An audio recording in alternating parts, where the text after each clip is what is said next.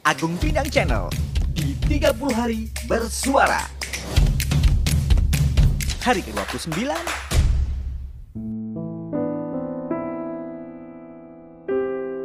Agung Bintang Channel tetap di 30 hari bersuara. Dan kini kita menginjak ke tanggal yang ke 29 Kilas balik. Hmm Ngomongin soal kilas balik Saya mau bicara soal Bagaimana saya kemudian bisa terjebak Terjebak yang menurut saya banyak manfaatnya gitu ya Banyak faedahnya Terjebak di acaranya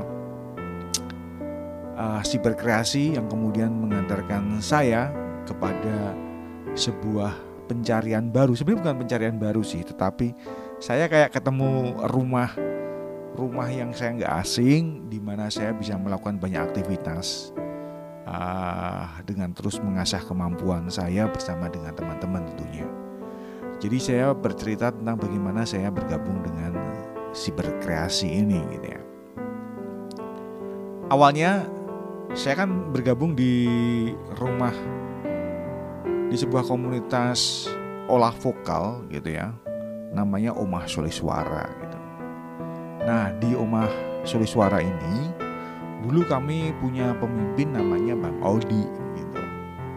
Nah, Bang Odi ini tiba-tiba saja dia posting gitu ya, saya baca, loh kok dia kok ikutan acara pelatihannya si berkreasi? Waktu itu masih batch pertama gitu. Saya ngobrol ke dia gitu bang ngapain kamu ikut acara itu? Gitu kan kamu orang radio ilmunya kan sama podcast yang itu gak apa-apa om yang penting buat nambah-nambah ilmu gitu ya akhirnya iseng-iseng lah saya ngintip gitu ya di waktu itu kayaknya belum ada Instagramnya gitu ya tetapi di YouTube-nya kan sudah ada gitu ya. Kemudian saya coba buka webnya. Eh kok kayaknya ini bagus juga gitu ya. Terutama untuk mengasah kemampuan kita dalam membuat konten gitu ya. Karena kan tidak semua orang itu terlahir mampu membuat konten di platform YouTube gitu ya. Karena pasti butuh effort yang lebih karena mesti harus pandai ngambil gambar dan kemudian memadukan dengan vokal, bikin naskahnya, editingnya, aduh kayaknya komputer saya yang cuman Celeron ini tidak akan mampu gitu ya kalau saya harus ke sana gitu ya ditambah basic saya untuk visual itu jauh dari bagus dan sederhana lah ya. Saya tidak punya cukup kemampuan untuk itu. Tetapi saya pengen gitu ya bahwa saya mesti belajar terutama dengan itu yang selalu saya bilang gitu ya. Saya suka sekali bergaul dengan orang-orang muda yang uh, ide kreatifnya itu apa ya kayak tidak berdasar gitu loh pokoknya dalam banget gitu ya. Semakin kita gali kita akan menemukan hal-hal yang baru. Nah ini yang saya suka gitu ya. Di thepodcaster.id kemudian saya ketemu lagi. Waduh ini orang-orangnya keren-keren banget ternyata. Ilmunya daging semua belum ditambah lagi uh, peralatan-peralatannya yang hmm, yang kayaknya saya cuma bisa telan ludah aja gitu ya. Ini kayaknya teman-teman banyak yang alatnya canggih-canggih gitu ya. Ya seperti yang kita ketahui gitu ya untuk bikin podcast yang baik tentunya kita mesti disupport juga dengan alat-alat yang baik. Tetapi sebelum masuk ke alat-alat yang baik tentunya kita mesti bisa memaksimalkan alat-alat yang sederhana. Nah alat yang saya punya ini ya alat sederhana. Ini adalah alat peninggalan masa lalu saya. Jadi ceritanya saya dulu pernah ikut apa ikut pelatihan pelatihan pendidikan kesadaran perempuan dan anak gitu ya yang diinisiasi sama UNICEF gitu. Kebetulan ada yang waktunya waktu itu kurang lebih satu minggu gitu ya. Sehingga dalam tiap harinya itu ada biaya sewa perangkat gitu. Nah saya manfaatkan uang sewa perangkat itu dengan saya tomboi dulu waktu itu ya dengan beli mixer gitu dan beberapa perlengkapan yang lainnya Nah, ternyata waktu itu sih masih mahal menurut hitungan saya sih angkanya sekitar pokoknya saya mesti nambah uang sekitar 200 ribu gitu ya. Ya 200 ribunya tidak terlalu mahal tetapi perangkatnya sendiri pokoknya biayanya apa uh, duitnya gede gitu ya. Mahal lah untuk ukuran saya gitu ya. Saya cuma waktu itu berpikir bahwa kelak suatu saat saya mesti bisa bikin produksi saya bisa bikin rekaman materi siaran untuk radio belajarnya apa mengerjakannya di rumah. Jadi tidak usah uh, mengerjakan di kantor gitu ya karena kalau ide kapan pun gitu ya. Mungkin waktu itu sudah ada podcast tapi saya tidak terlalu paham gitu ya.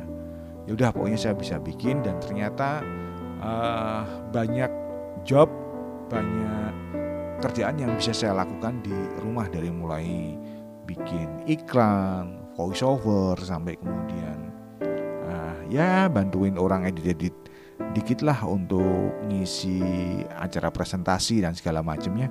Saya bisa lakukan di rumah. Dan ketika saya sudah nggak ada di radio kan gabut nih ceritanya gitu ya. Ya ada sih pekerjaan tetapi kan jiwa saya kan masih sekitar olah vokal dan segala macam ditambah pandemi gitu ya. Tapi saya mesti mengakui bahwa di pandemi ini ternyata saya bertemu dengan banyak orang-orang baik gitu ya. Di Omah Suli Suara saya ketemu dengan orang-orang yang punya minat dan keinginan yang sama gitu ya. Sama-sama belajar dan sama-sama kemudian mengasah kemampuan di sana. Interaksinya juga bagus kemudian uh, melebar lagi. Saya dipertemukan di acara siberkreasi yang guru-gurunya jago-jago banget gitu ya. Ah pokoknya luar biasa sekali. Ini yang kemudian menjadi kelas balik saya bahwa ternyata di balik segala keterbatasan dan situasi yang sudah sangat-sangat abnormal ini kita masih diberi kesempatan untuk melakukan uh, kegiatan-kegiatan uh, kreatif gitu ya. Nah, kok kebetulan ada acara 30 hari bersuara. Percaya atau tidak, saya sebenarnya tidak terlalu yakin gitu ya.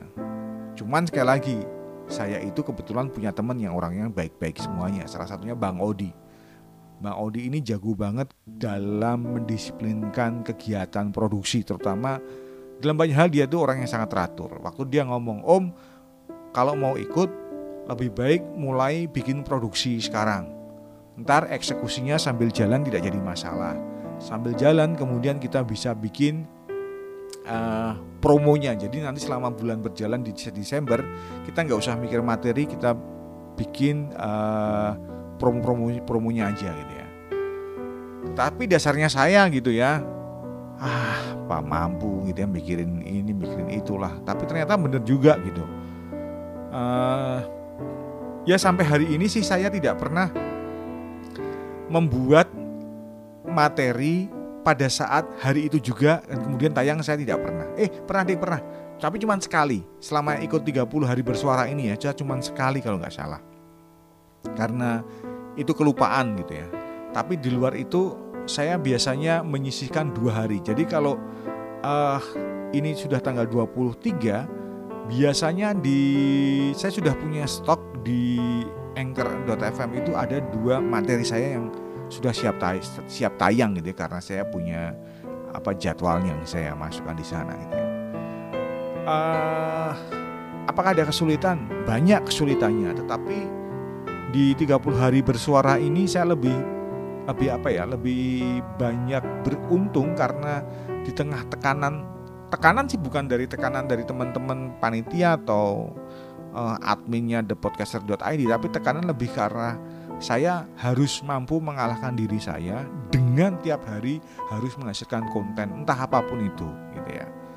Saya nggak mau mikirin sulit-sulit pokoknya saya mau konsisten aja di 30 hari bersuara ini, saya sebenarnya belajar untuk konsisten, belajar untuk setia dengan mendedikasikan bahwa sesuatu yang kita upload itu harus punya manfaat, punya faidah karena didengarkan oleh orang lain. Dan orang lain itu bisa mendengarkan kapan pun.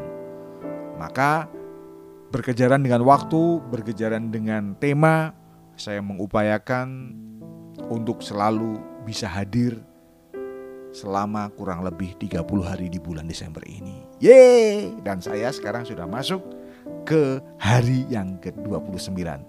Terima kasih teman-teman, terima kasih atas supportnya, terima kasih atas segala diskusinya. Dan kita masih tetap di 30 hari bersuara. One, two, three. Sampai jumpa di Agung Pindang Channel 30 hari bersuara.